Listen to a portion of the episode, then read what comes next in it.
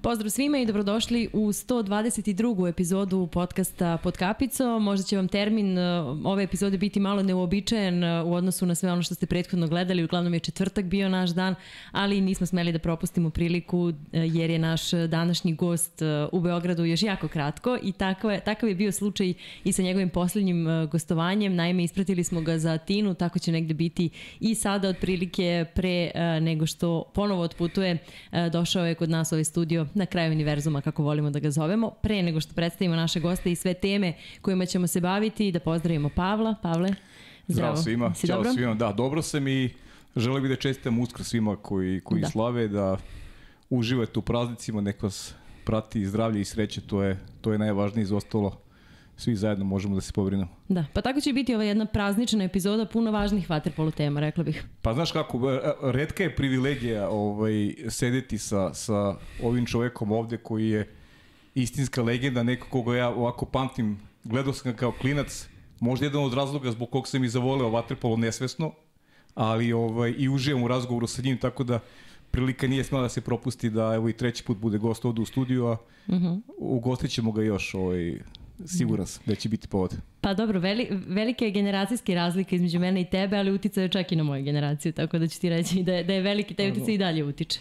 Da. Daj, neka bude tako. Sa nama danas u studiju na kraju univerzuma trener Olimpijakosa, gospodin Igor Milanović. Dobro nam došli po treći put ovde, tako? Bolje vas našao, uvek je zadovoljstvo ovde i hvala na ovim lepim rečima, ja sam se istopio.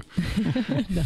Malo je duže trajalo ovo najavu, izvinjavamo se, malo smo se Pavli i ja e, raspričali. Pa uglavnom pitamo goste kako se osjećate kod nas ovde u studiju, ali s obzirom da ste po treći put ovde sada već kao kod kuće, zar ne? Ovde je uvek prijatno, zaista i mnogo mi je lepše nego da se družim sa novinarima koji analitičkim putem to prenose na u medije, pa mi je ovako i draže i hvala vama na razumevanju. Da, hvala vama što, što ste pristali ponovo da, da dođete i da pričate sa nama o svemu onome što, što je važno.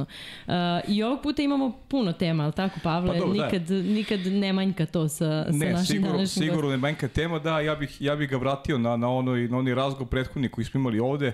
Uh, bukvalno smo ga ispratili sa, mm -hmm. sa mhm. Kosma u Atinu, otišao je tada, se, tada je ovaj, taj ugovor s Olimpijakosom hoće biti, neće biti, na kraju je otišao Olimpijakos, pa ajde Igore, za početak, kako je u Otini, šta se dešao Olimpijakos? Pa moram da kažem da sam našao jednu sredinu koja je za mene divna, e, prvo vreme je predivno, stalno su neki 20-25 stepeni, par dana je bilo to nešto kiša i neki vetrovi. E, ekipa ljudi oko mene isto jako fina, dobra, to su sve dobri neki kvalitetni ljudi, što meni vrlo bitno, igrači su odlični, dobio sam taj respekt koji, poštovanje koji mislim da mi je neophodan i za jedan kvalitetan rad, pokušavam na sve načine da ih motivišem, Mislim da smo dobro krenuli sezonu, imali smo zaista jedan lep nalet gde smo pobedili manje više sve. Do sada smo izgubili jedino od Barcelonete u dve utakmice za koje mogu da kažem da nas nisu nadigrali, ali su zasluženo pobedili. Mm -hmm. e, sad u poslednje vreme nešto kuburimo stalno sa nekim povredama, nekim situacijama u klubu, tako da, eto, s te strane sam malo ivičen, ali da će Bog, pa ćemo uspeti da se do tog nekog final eight-a turnira na koji smo se kvalifikovali, pa je sad samo pitanje da ćemo biti drugi, treći, s kim ćemo igrati u četvrt finalu i gde ćemo tu pripasti, e, zavisiti te utakmice koje su do kraja. Mm -hmm. U prvenstvu smo osvojili kup na jedan dominantan način, biće play-off, Vuljak meni igra vrlo lep vaterpolo, moram da kažem. Vlada Vujasinović je odradio veliki posao i mislim da izlači 110% iz tima, što je i zadatak trenera. E, jednu utakmicu na njihovom bazenu igrali smo i nerešeno. E, to su tu uslovi malo drugačiji, jer oni igraju na otvorenom bazenu, bilo je nešto 5 stepeni, mi se zaista jako slabo snalazimo kad iz zatvorenog odemo na otvoreni bazen, pa smo igrali loše i protiv mnogo loših ekipa nego što je Uljak meni. Tako da ću i s tim u vezi obratiti pažnju, pa ću pripreme koje će biti pred Final Eight eh, sprovoditi na otvorenom bazenu, jer se i ovde igra na otvorenom bazenu. Uh -huh. Tako da ćemo već odmah posle play-offa krenuti da treniramo i na otvorenom bazenu. E, posljednji put kad si bio ovde, baš sam onako, i to sam stalno komentario s ljudima s nekim žarom u očima si mi pričao kako se raduješ odlasku Olimpijakos ili to neka grupa igrača koja ti se sviđa, možda igraš vaterpolo koji ti želiš Uh, ili dalje taj žar postoji, kak, kako je to sve u praksi sada izgledalo kada, kada si preuzeo tim? Pa jeste, da, bio je taj žar i postoji i dalje, mislim da opet dajem vrlo lepog sebe i u Pireju i u Olimpijakosu, obzirom da sam dve, više od dve godine pauzirao i bio tamo na selu mome malo onako i izopćen i, i usamljen i posvećen nekom drugim stvarima u pogledu prema prirodi koji mi se dopao i koji ne poznajem dovoljno pa sam bi taj neki neki ugao gledanja o stvarnosti malo drugčije upoznao kad na selu gledam i zavisim i od kokoški i od neke baštice i od seljaka koji zna da ti nešto uradi ili da ti popravi i, i odatle čak sam bio u jednoj fazi gde sam razmišljao da ću ja uopšte ikada i uh mhm. -huh. raditi. raditi kao trener i onda je došao i taj poziv Novog Beograda, a onda i Olimpijakosa, tako da u jednom naletu sam i sigurno da želim da radim e, dok god budem imao ovakvu energiju u sebi. Da, i dok bude tu energiju pratio i neki tim koji koji... Pa i tima i rezultat na kraju da, krajeva. Pa do, i, trener zavisi od rezultata. Od rezultačno tako i mislim da je to jedini ispravan pogled na formulaciju uspešnosti trenera. Uh -huh. Opisali ste onako ukratko ovu sezonu i šta je sve to bilo i za vas. E, spomenuli ste neke stvari koje su vam posebno prijale kada je reč o ljudima, okruženju i, i samoj ekipi.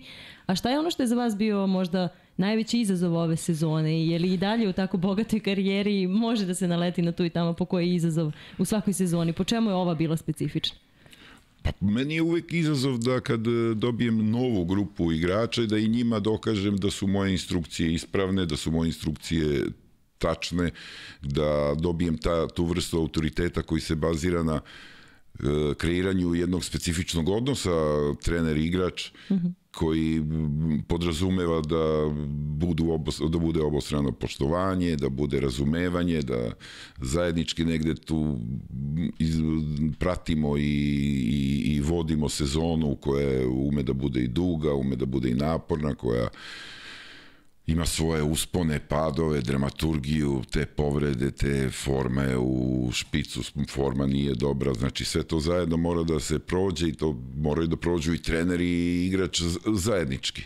Mislim da smo na dobrom putu svi zajedno i imamo jednu već atmosferu i volim da radim s tim igračima. Mm -hmm. I to mi je bio izazov. Sam video da su igrači dobri ljudi koji prihvataju radi, koji imaju jedno poštovanje i onda mi je bio izazov da nađem opet taj ispravan odnos, da ne idem previše pod e, njih, a da opet budem sa njima, da ne izigravam nekog lažnog autoriteta, neke tu neke strogoće koje mi uopšte i ne priliče u principu i mislim da smo našli taj neki zajednički način kako ćemo da i završimo ovu sezonu i da ovaj kraj privedemo na najbolji mogući način.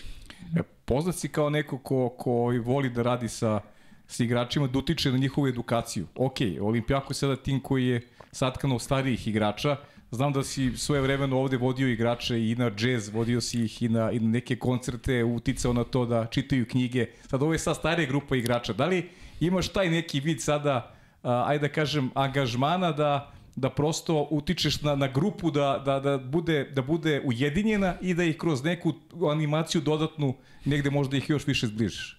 Baš si mi sada u, u, ušao onako da kažem u ranu si mi ušao, jer mi radimo teretanu na stadionu, pa smo okruženi i ovim civilima kad, dok radimo teretanu, pa ja nemam taj jedan prostor, obično ja volim da u teretani nekada završim jedan deo koji se tiče psihološke taktike, strategije, gde prođem kroz njih, dam im podršku ili malo kritikujem jedan na jedan, odradim neku tu, da kažem, e, interakciju jedan na jedan sa igračima, -hmm ponovim nešto što očekujem da se dešava u vodi, prođem, da kažem, kroz njih sa tom nekom energijom, razmenom energije u, u teretani. Ovde radimo nekako sve pa civili oko nas, pa nemam, tu su neke sprave, nemam taj prostor. Pa i video prostor mi je nekako sužen dosta i tu ne mogu da se razmažem totalno, ali pokušavam isto u razgovorima tu pred trening, kad smo na putu, u autobusu, pa i pravimo te neke team buildinge, odemo, ne znam, neku, posljednji put smo otišli u neki, neki restoran gde oni poznaju, pa smo svi zajedno jeli, malo pili neko pivo i tako dalje pa pričamo, pa eto, pokušavam i s njima i dohvatili smo se i malo duhovnih stvari i malo muzike, pa bilo je tu, iznenadili su me par puta, znali su ko peva, ne znam, poslednji put, ja mislim, Knock on Wood, znali su ko peva, tako da mi je bilo zanimljivo. Ovaj, jako su dobri momci i vrlo obrazovani i uživam uh -huh. s njima da radim. Mala me sputava jezik, tako da nemam tu neku uh -huh. interakciju, jer moj engleski je dovoljan da im objasnim taktičko, tehničke te stvari, ali nije dovoljan da budem nekako kontemplativni malo drugčije, drugčije bi to na maternjem izražavao se, možda bi bio duhovitiji, kreativniji, ali... Uh -huh taj jezik malo mi sputava taj način mog opuštenog izražavanja, ali dobro. Uh mhm. -huh. Ali ima ti na tu širinu koju ti voliš, ovaj, taj prostor koji ti daje mogućnost za različite stvari, ne samo za vaterpolo već. Pa sad sam i ja malo, Pavle, u drugčijim godinama i meni je sad najbitnije da imam divan prostor za šetnju, Aha. jer šetnam sigurno 10-15 km, to mi je onako minimum dnevno. Je li to neka vrsta I, treninga danas? Pa treninga, mm -hmm. svakako za mene samog, onako između imam te divne rute pored mora, mm -hmm. pa onako jednom u 10-15 dana imam i prijatelje s kojima odem u kafanu, pa sednemo malo vina, popijemo one njihove divne, kako se zovu, predjela, oktopuse i ove gambore i onda umemo i da uživamo, ali bilo mi je bitno da budem i na ovoj pešačkoj distanci od treninga i da mogu da pešačim okolo i uživam. Uživam, zaista uživam u Pireju, tako da ja i ne idem sad u Atinu mnogo. Aha, da, yes. Ako idem, idem tamo prema Vuljagmeni u Glifadi, tamo malo onako, da kažem, gde, gde ima tih sportskih sadržaja, da idemo da se kupamo i uh mhm. -huh. možda nešto i pregrizemo. Uh mhm. -huh. A kada je reč o ovim stvarima van bazena kojih se dotakao prvo Pavle, zašto smatrate da je posebno važno da je to i igrač razvija kod sebe, pa i trener i da stalno se nadograđuje u tom nekom smislu? Ne samo u ovom modernom vaterpolu, već i, i, i ranijih dana, možda kada ste vi bili igrač. Kako ste gledali na te stvari tada, kako sada kao trener? Se tu nešto promenilo? Pa mislim da uopšte u životu čovek kad ima jednu širu sliku, pa ima možda jedno veće, dublje znanje, poznavanje, ne prepoznavanje, nego znanje, poznavanje stvari, onda on može i da mnogo lepše obrati i detalj. Mm -hmm. I da se ne bavi nekim improvizacijama ili da se oslanje previše na instinkt. Znači, kad čovjek ima neko znanje i kad ima širu sliku, zato je bitno da i sportista gradi sebe kao jedno duhovno, socijalno biće i, i ne samo zbog toga što će on posle uh, da bolje reaguje i u usko specifičnom sportskom tom momentu koji mu pripada, nego što će i lakše da da uspostavlja relacije van tog sporta, što će lakše da prebrodi kraj karijere, što će lakše da se uhvati u košta sa svim iskušenjima civilnog života,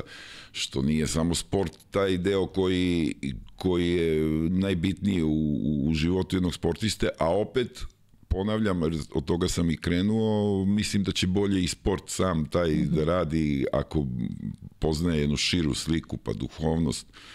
To često govorim, onaj ko ne, ne poznaje muziku, pa njemu je dovoljno i nekad ove neke lepe, ove neke pesme, ne znam, se ne želeći nikog da uvredim, ali ove neke jadikovke, ove neke, mo, ne znam, znaš šta zvuče, pa ne znam i reči koje ne postoje, ove neke tugaljive, ne znam, pesme, pa njemu lepo.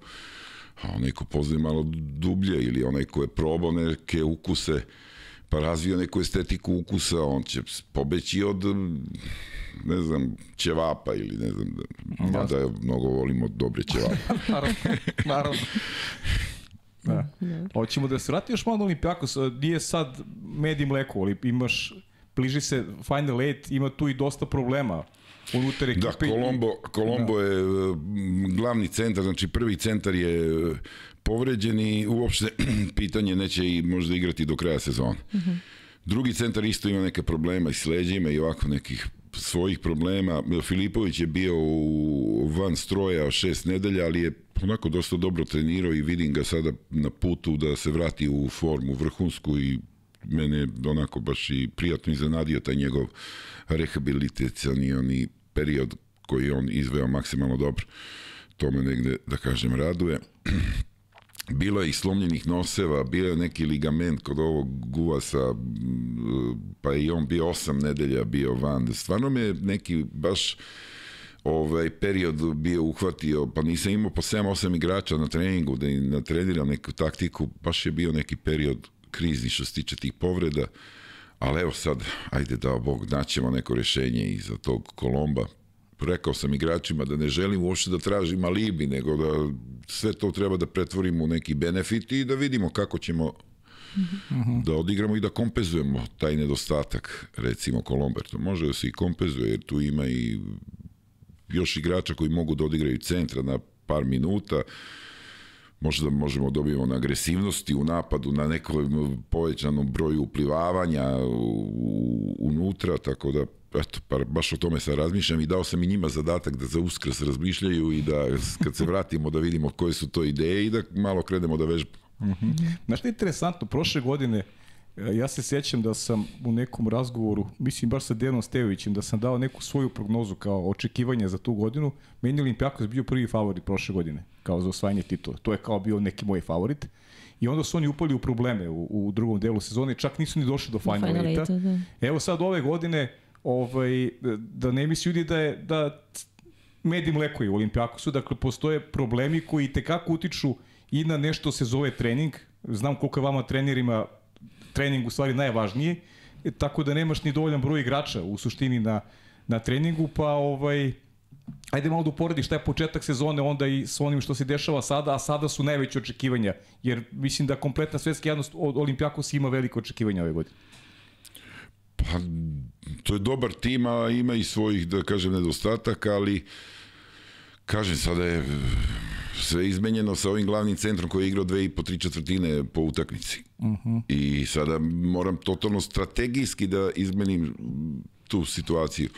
A oni su prošle godine imali jako velike probleme sa igračima i tek sam saznao sad koliki su to problemi bili, to se njima ponavlja, mislim da tu treba i obratiti pažnju sledeću godinu, možda i povećati mali, malo broj igrača, da se ima mhm. veći taj, kako se zovu, trenir roster, jeli? Ja, tako? Fond, fond. fond.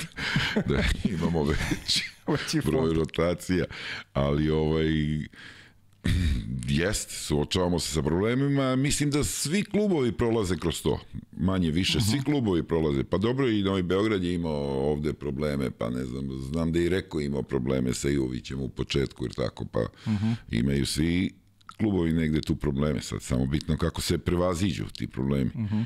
Oni prošle godine nisu se kvalifikovali, izgubili su, čini mi se, u Kragujevcu Da, onu utakmicu koja ih je koštala. Ko, koštala. Putovali su nešto, bukvalno su dva dana bili u putu. Dva dana su, da. sneg im pao, to sam saznao. Sneg im pao, jeste, da, posebno i komplikovan put i onda su izgubili. Ali kad smo kod, već kod, kod te završnice i znaš da postoji šansa ovaj, i to nije mala, da, da se u tom četvrfinalu ovaj, ukrste koplja sa Novim Beogradom. Novi Beograd, či si bio trener prošle godine, si napravio izvanredne rezultate, osvojio dva trofeja, igrao finale Lige šampiona, nažalost, ovaj, na, na penalu Novi Beograd nije, nije osvojio, ali onako jedna, jedna izuzetna hemija i baš je bilo zadovoljstvo gledati generalno na prošle godine ovaj, Novi Beograd u, u toj fazi sezone. Kakve su, ovaj, kakve su uspomene? Pa uspomene su lepe. Prvo je hvala na pitanju i imao sam potrebu da malo kažem, jer vidim da mi se ovde i provlačilo ime u nekim tekstovima koji su, čini mi se, bili zlonamerni u odnosu na Novi Beograd. Prvo, meni ne može da oduzme niko deo srca koji je postao Novi Beograd za ono tri meseca, jer mislim da sam profesionalnim radom, odnosom i, i odnosom prema radu, ekipi i klubu na najviši mogući način reprezentovao klub. Moram da kažem i baš u odnosu na te tekstove, da ću da, baš da ponovim da sam ja sa Šapićem imao vrlo, vrlo korektan odnos. Da, da mi je žao da vidim da mi se provlači tu ime, da me nešto Šapić Draos i to, to bože sačuvaj, mislim da i ako je bilo nekih izleta želja Šapića da, da pomogne ekipi, ja sam na profesionalan način štitio i, i trenersku instituciju i, i tim od bilo kojih spoljnih faktora i klub na ispravan način, na kraju mislim i Šapića od sebe ša, samog ovo što sada mene duša boli, moram da bi ponovit ću još jednom, sigurno ne likujem i nisam čovjek koji ume da likujem i baš iz poštovanja tog vremena koji sam proveo na jedan najprofesionalniji mogući način i odnosu na pomoćnike Acu Bakića, Đorđa Filipovića, Dejana Jovovića, Gagija, lepog fizioterapeuta, a i svih igrača da sada ne, ne pominjem i ne želim da mi se ušte u kontekstu onom pominje ime i da mi se vezuje ni za Vujasinovića, ni Žile Zagocića, s obzirom ja sam došao i imao rezultate i imao uspeh i osvojili smo i regionalnu ligu na jedan briljantan način, osvojili smo prvenstvo i na kraju na penale izgubili ligu šampiona.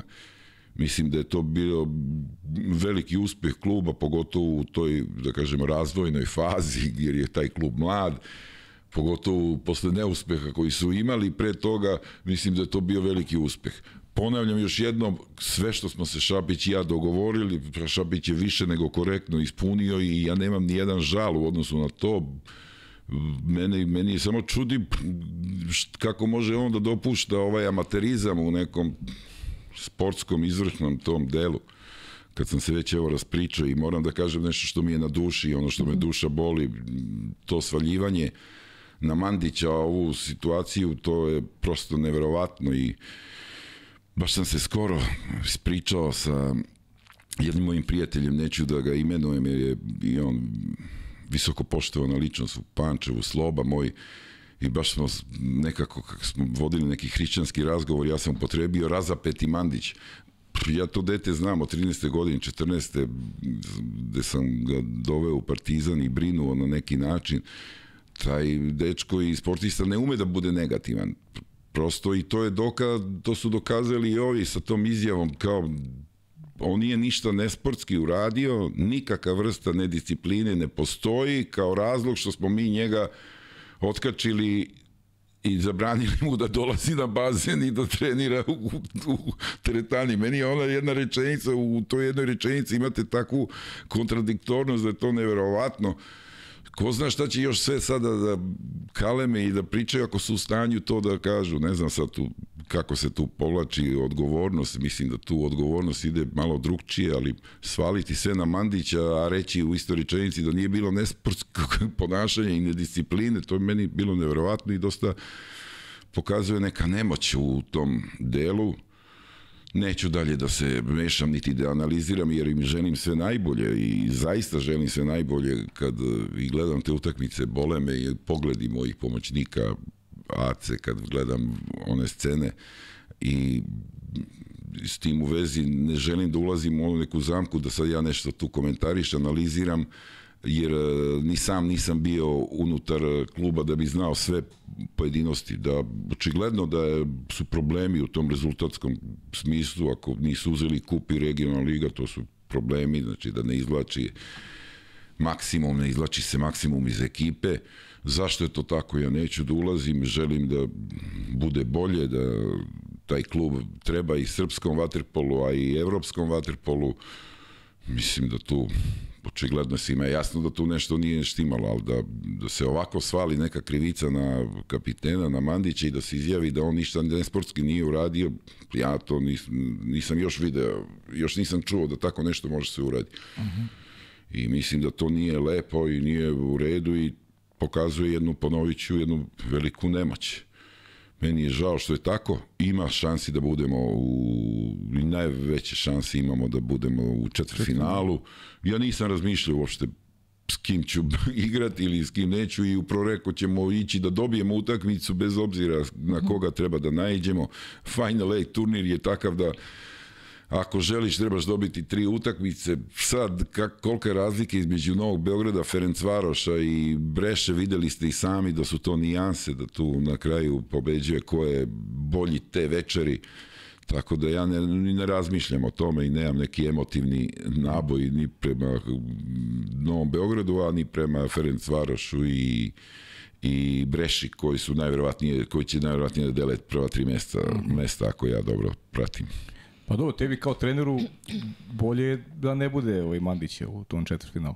Pa ja tako ne umem da razmišljam i, i čuo sam se s Mandićem, ali nisam ušao duboku, ali tako ne mogu da razmišljam. Mislim da je ovo nepravda koja je učinjena prema njemu. Šalim se ja malo. Da, ti, svakako. Ti si, ti si kao neko koga poznaje hteo da, ovaj, da prosto staneš negdje u, i u njegovu zaštitu. Kako da ne, jer ovo je nedopustio, pa zamislite šta, su, šta, je onda, šta onda može sve da se uradi danas sutra, ako ovako izgovore i urade ovu stvar. Zabranjujemo ti da dolaziš na bazen da treniraš s nama, ali ništa nisi nesportski uradio i nedisciplinu nisi pokazao. Mislim, valjda onda se skloni iz prvih sedam, iz prvih 13, ne znam kako se, šta se radi, to šta treba da uradiš da bi ti zabranio da ne treniraš sa ekipom, to mi malo onako zvučalo jako neuverljivo ko mali džokica kad objašnjava nešto.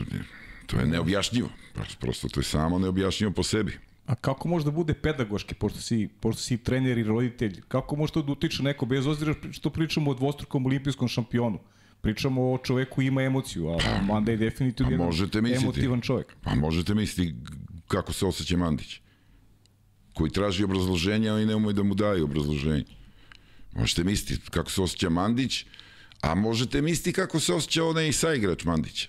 Mm -hmm koji isto se pita, pa čekaj, meni mogu, sutra i meni tako može da urade. Ko je sledeći? Ko je sledeći? Da. Jer, I onda, a to nikako nije dobro za jedan tim, timski duh, za, sad, za kreiranje te jedne opuštene atmosfere, atmosfere gde treba da se da, da se na kraju pokaže kreacija, jer treba da se po, postigne go. Nije to track and field i neka trka na 9000 metara i onda mi trčimo naš vreme, nego ovde treba pobediti sebe, igra je, treba staviti onu loptu u gol. Tu treba da bude neka opuštenost, kreativnost.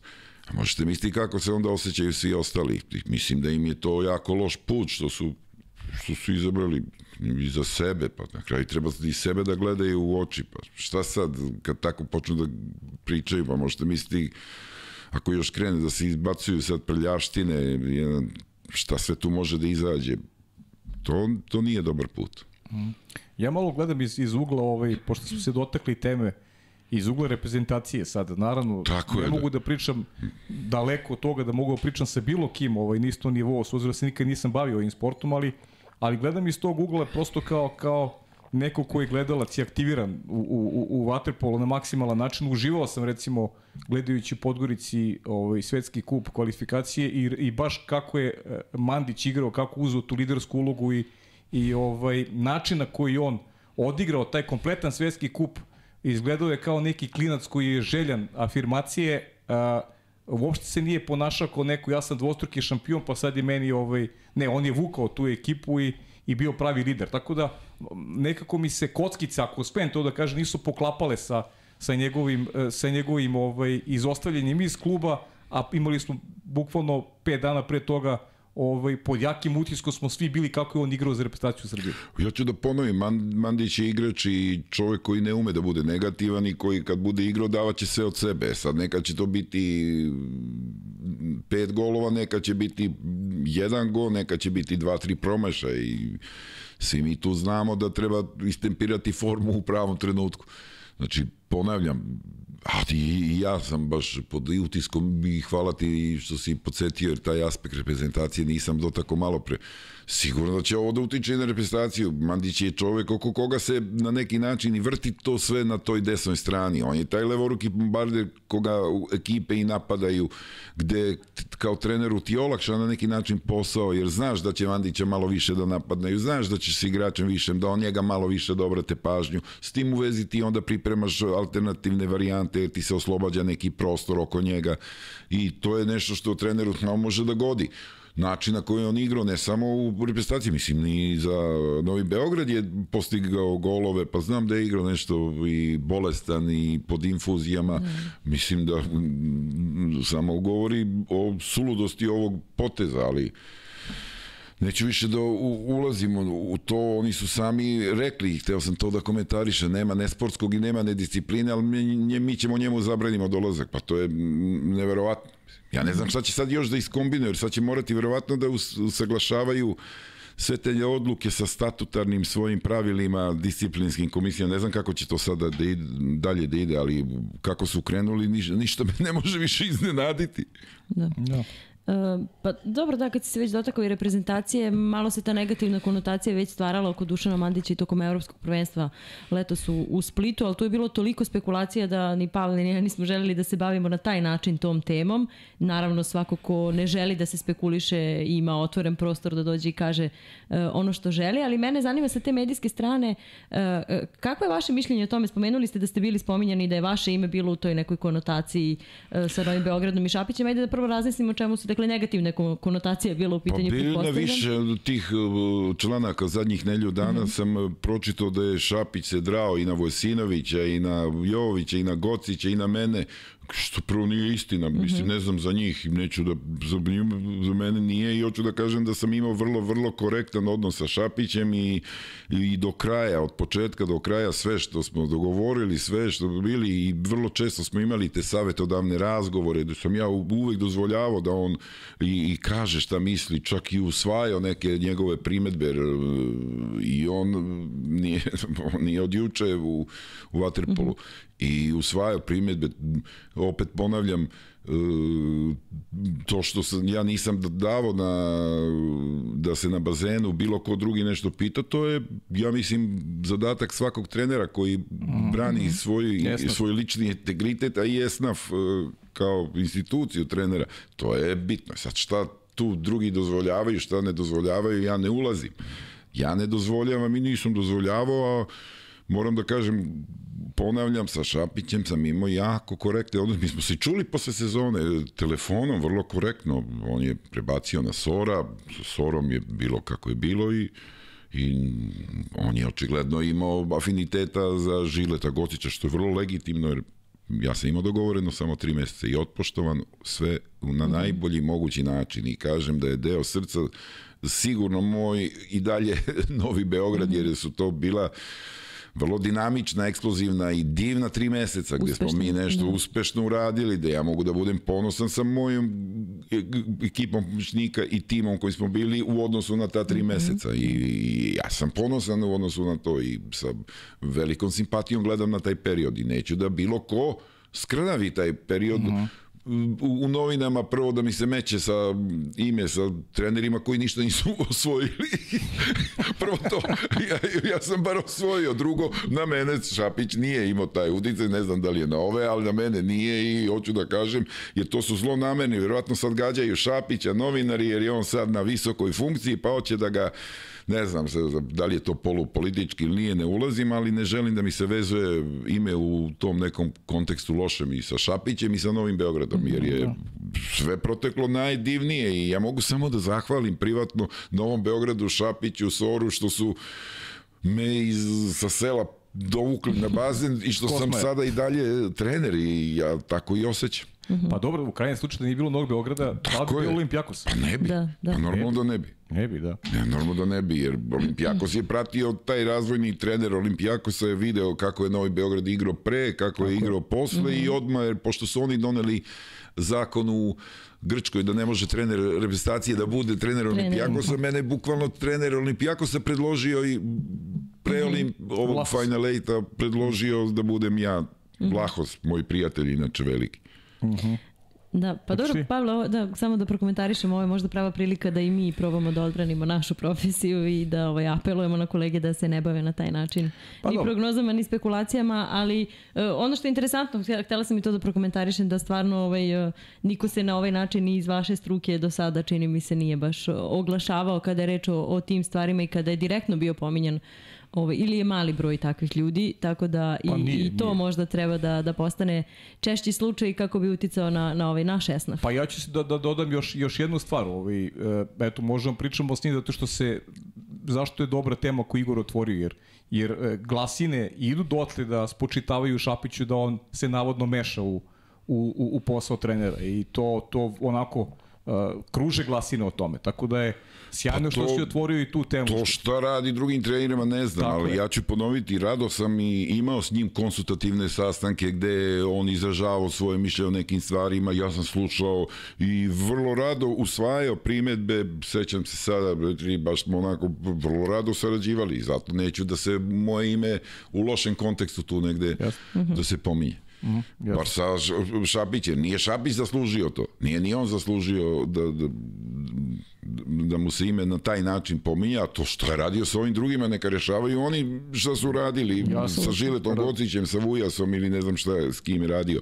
Ali sa mnom imam obavezu da to kažem i ne želim ni ja da mu, da mu budem taj težina na nekoj njegovim plećima, jer on sad sigurno ima velike obaveze kao gradonačelnik grada, ne verujem da ima puno vremena da odvaja za klub, ne verujem da on i može da sada previše utiče tamo sad šta se tu dešava, ja neću da ulazim. Kod mene je bilo vrlo konstruktivan taj, da kažem, odnos i više nego korektan. Opet govorim, više nego korektan, jer je bio i galantan, bio i, i u, u dan precizan i i ne vidim nikakav, nikakav, nikakav problem tu u našem odnosu. Da, razumeo sam. E, Razgovarali ste normalno o klubu sa pozicije nekada velikih igrača, to ste bili jedan i drugi, ali bazen je bio tvoj. Nije Tako ti je. se mešao u bazen. Nije, tako Nisi je. dao da ti se meša u bazen Tako niko. je, tako je. To je to. I neću nikad i žalim trenere koji to dopuštaju, jer trener koji to dopušta povlači sa sobom jedan lanac, eh, lanac eh, događaja koji moraju da se dese, a to već, a ne idu u prilog ni treneru ni klubu. Da, ja žalim sve ljude koji nisu svoji, ali dobro, to je sad ovaj moj stav životni. A, a, a. Reprezentacija, reprezentacija ne sme da uh, trpi. Prvo, Mhm. reprezentacija ne sme da trpi, jer uh, um, Uroš Stefanović koji radi jedan lep posao i sa mladima i sa radničkim, ovaj, to mi je drago, on ima jedan veliki zadatak da se plasira na olimpijske igre u Pariz. I mislim da je sada najbitnije da cela javnost, sportska javnost i vaterpolo javnost bude uz Savez, uz Jelenića i Uroša Stefanovića, da se sabiju svi ti redovi, da se svaki eventualni potencijalni konflikt koji postoji na bilo kojoj relaciji stavi po stranu i da se pokuša u u Fukoki već os, os, osvojiti takvo mesto da, na koje bi nam omogućavalo plasman u, na olimpijadi. To je Mi final, nemamo- to je final. to je, Samo, to je final, samo, final. u Fukoki. Ima Pa. kasnije šanse, ali samo final u Fukoki. e, Final. Pa u onda treba da navijamo za Uroša svom snagom i ekipom Mandića, Jakšića i Drašovića i ne znam, Stra, Strahinje Rašovića, da i, Ima ih. ima ih i da nekoga ne propustimo. To je, to je vrlo lepo što si, što si počeo ovu temu, jer ti si neko ko je, ko je s Urošem i radio, pa eto, nije loše za taj neki širi auditoriju malo da, da nam kažeš i ta neka njegova iskustva, maltene i prva iskustva su vezana za, za rad sa tobom. Pa jeste, on, on je bio na banjici neki trener mlađih kategorija, tada na početku njegovog uh, trenerskog, da kažemo, trenerske karijere. Uh, video sam inteligentnog, ambicioznog i korektnog dečka, mladića u to vreme i uzeo sam ga za pomoćnika i nisam zažalio jer smo proveli dve godine, čini mi se predivne i dan danas se sećamo i jako mi je drago i znao sam da će on kada Uroš Stefanović kada bude odradio sa Dejanom Savićem, kad sa Vujasom bude video, kad bude pokupio da je dovoljno inteligentan i obrazovan da može da napravi i da sklopi neki svoj sistem rada i on je to uradio i e, u radničkom iz godine u godinu potvrđivao taj njegov kvalitet. E, ponavljam, za, najbitnije je sada da se skupimo i da omogućimo da Uroš sa mladićima, sa igračima osvoji to neophodno mesto koje će nasvojiti u Pariz. Kako ti delo, Igore, o, o, ova nova generacija? Imao si sada prilike da radiš i, i sa njima posle tog dvogodišnjeg boravka na selu, aktivirao si se, pa ok, radio si ti sa njima i dok su oni bili i klinci, ali kako ti oni deluju, misli dobro, sa Mandom Jakšom, ali kako ti deluju ovi mlađi, ove, ovi igrači koji dolaze? Mm, da li su nešto promenilo ovaj, u svesti? Često poredimo vremena, ona vremena i sadašnja, drugačija su, znaš i kao roditelj da da ovaj, nije, Jeste, nije isto. sve je drugačije. Uh -huh. I trener koji nije u stanju da se prilagođava vremenu u kom živi, ne može ni da bude kvalitetan trener. Mislim da je tu najveći bio Vlaho Orlić koji je umeo da i kao stariji gospodin e, da, da, da hvata taj trend vremena, da hvata suštinu vremena, da menja te svoje neke principe, stereotipe ponašanja i, i, i, i da bude stalno u korak sa tim mladima i zato je ostao i on večno mlad a to pokušavam i ja da razumem sve drugčije i njihove obaveze i njihov odnos, društvo je drugčije, vidite sami koliko je svet, koliko se sve drugčije ponaša, pa pa moramo i mi dosta tu svega, svih uticaja. Da se ja sad da ne krenemo. ja sam tamo htjela da, da krenemo tim. Da ne krenemo, da. U, vidite šta se dešava, pa sigurno i na sport imaju uticaj te licemerstvo društva. Mm -hmm. Da spominjem, to se često pitam kako smo licemerni, to je strašno. Recimo, jer svi znamo da kese ove plastične ne valjaju i da ova voda iz plastičnih boca ne valja. Pa što ne radimo onda, ne izbacimo, recimo, zabranimo plastične kese i da voda bude u staklenim bocama. A svi znamo šta da. radi našem organizmu i planeti kako gledamo kao organizam. I svi, I svi to znamo. Znamo svi bole zavisnosti, kockanja ono na svakom koraku, kladionice, tamo prave Las Vegase, svuda po svetu ima tih nekih zona gde se kocka i onda šta rade? Puste ljude da se kockaju, prostituišu, alkoholišu, a onda ih leče od bolesti, zavisnosti, trpaju im neke lekove i one sve prodaju, pa to je show kako su zatvorili ovi, ovi što vode, ja sada baš sam sklon da kažem da ovi više ne mogu da pričaju da su teorije zavere, nego da su da je to ima zavera protiv čovečanstva. Znači, jednostavno to se vidi ono gubitak taj odnosa u porodici obrazovanje pa taj ceo krivični zakon kao, koji malte ne stimulativan za ove što idu da kradu yes. u, u, po kućama čovek koji u, u, ušao mu lopa u kuću ako ga ubije on ide u zatvor mislim to je ne, to su neverovatne stvari koje se dešavaju u nama I to je meni onako, eto, kako mogu kažem, i to sigurno utiče i na ta hipokrizija utiče i na sport koji ne trpi nečistoću. Mm -hmm. Sport ne trpi nečistoću. Sport, trp, trp, sport traži jednu bezuslovnu, bezrezervnu iskrenost davanja. Mm -hmm.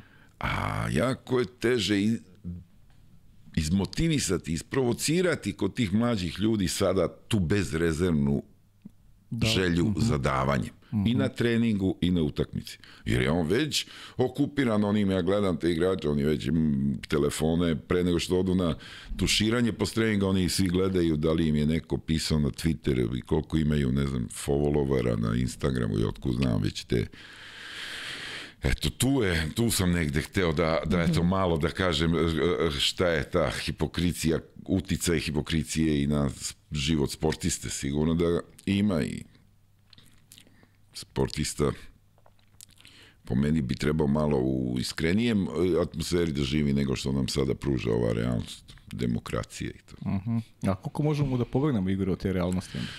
Koliko, pa, koliko čovjek kao jedinka je u stanju da, da u takvom društvu, u takvom okruženju da, da pobegne od realnosti. Pa to je ta stalno dvojba. Je, ja imam ovaj moj neki način, odem u selo i tamo se di, družim sa mojim divnim, evo da ih spomenem, duhovnikom, ocem Markom, sa mojim divnim Đorđevićima, Zdravkom, Drinom, Tarom, Gavrilom, Jecom, sa mojom sestrom Jovankom, Veljom, bratom Veljom i družim se, ali mislim da je pitanje da je u, u baš bitna i ta socijalna stavka da se druži čovek, jer je prvo čovek socijalno biće, a onda i da okrene jedan odnos sebe i Boga da stavi u jednu istu ravan, da proba da odvoji neko vreme, energiju, baš na pravilan način, da, se, da uđe u sebe, ne bili pronašao neke odgovore koje nas interesuju sigurno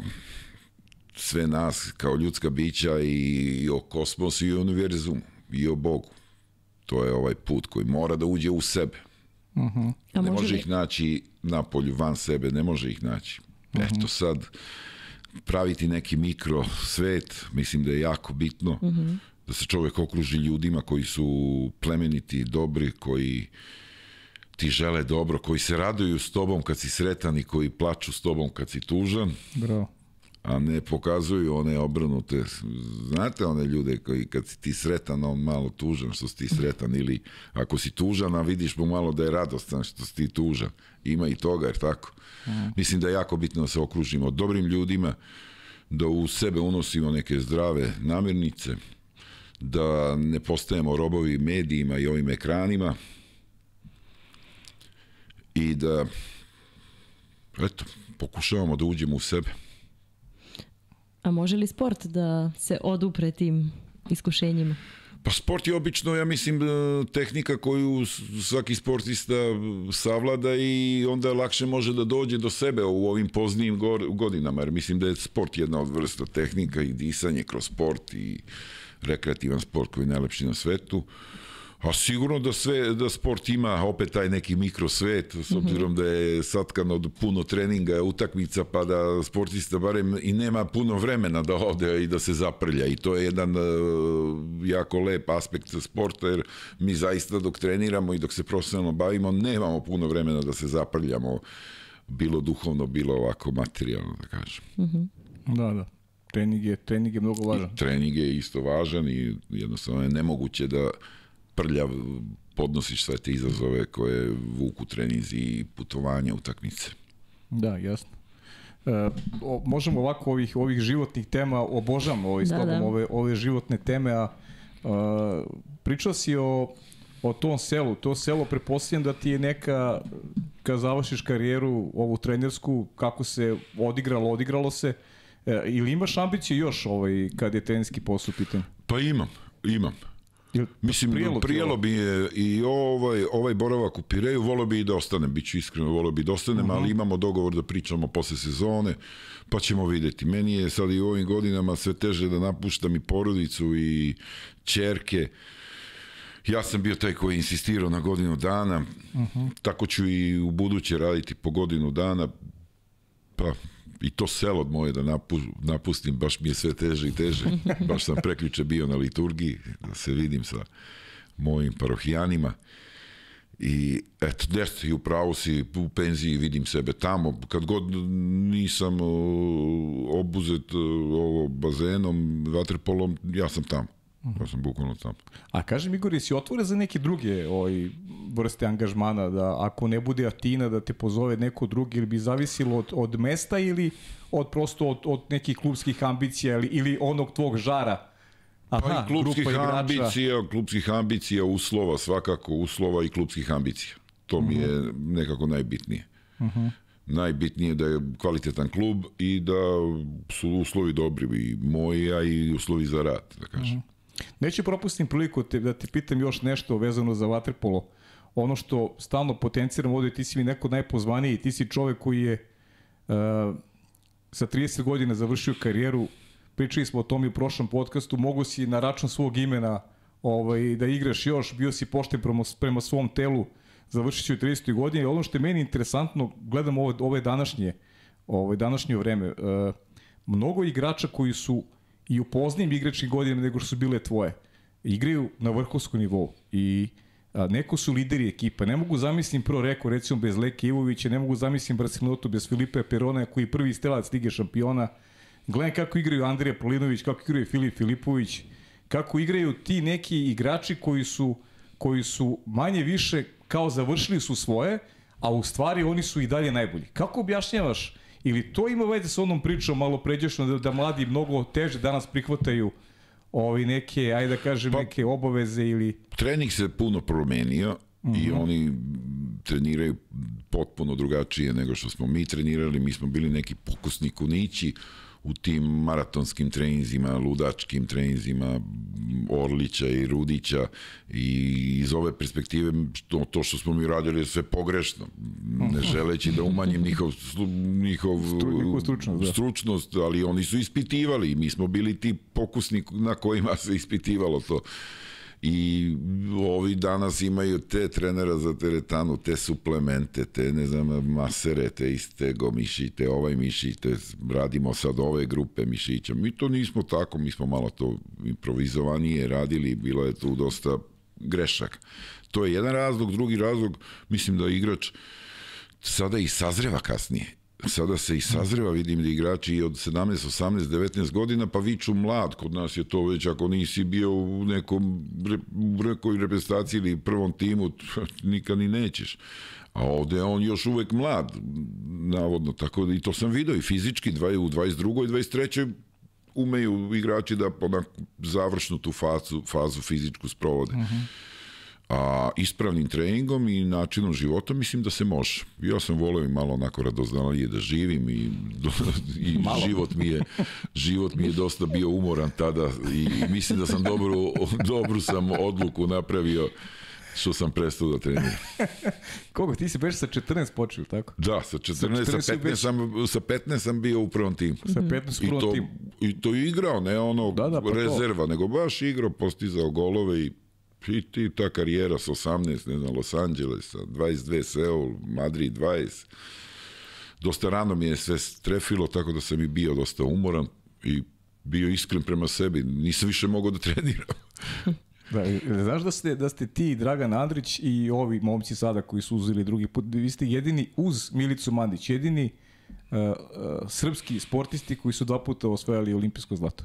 Ma kad su uzeli, ja sam rekao, hvala Bogu da su uzeli još jedno da ne bude više, jer me stalno ona gordost, jedini koji imam dva svetska, dva olimpijska, pa ja nekad kad, ja nekad voleo sam da se pohvalim, a i mene su tu hvalili, rekao više stvarno, ne, bar tu, taj deo gordosti više neću moći da nosim sa sobom, da budem jedin. Sad ih delite, da. da. I baš mi je drago da su uzeli, da mi skinu više to, E, znaš koja mi najjače priča Ona, ona iz, iz uh, finale sa Italijom, iz Madrida.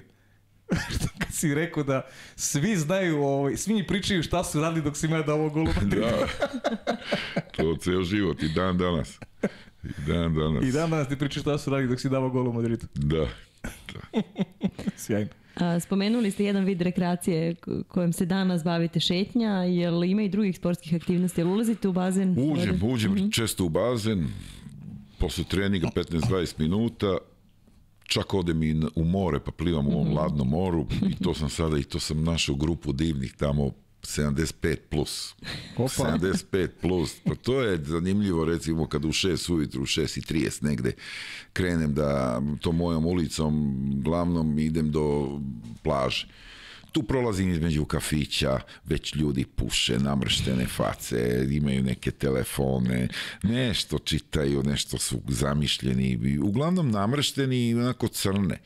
I ja prođem taj put tih dima od kafa i cigareta i svega i dođem na, na plažu, a tamo 75 plus ljudi u, u kostimima, bakice, dame, gospoda koji pričaju, koji se smeju, koji tako ono grčki E, toroču i ne mogu da prestanu, onda oni uđu u vodu i budu po pola sata, 40 minuta, ja uđem iskren da budem 5 minuta, ovo sad kad je 15-16 stepeni, meni je 5 minuta i puno, ali taj osjećaj onda promenim gaćice, obučem neki šorci, onda hodam bos po tom pesku i tu sreću tih ljudi koji su na plaži u 7 ujutru, može nožem da se seče ta sreća i onda im se ja predstavim, pa i pričam s njima, sad su me prihvatili, iako slabo engleski pričaju, ali su me prihvatili jer ja kažem ja sam coach Olimpijakos, a onda može sve i a prvo su me gledali, ko je ovaj, sad tu ja se motam, ja hoću uz njih, hoću da osetim tu sreću i onda gledam kako eto pametni ljudi svoje vreme da. koriste i troše na pored plaže plivajući, o imaju ovih pametnjakovića koji idu odmah u kafić ujutru da nabiju onu cigaru i piju kafu. Ja volim da šetam malo vežbe, uradim pomar, povremeno i plivam sve za sebe zbog nekog svog mm -hmm.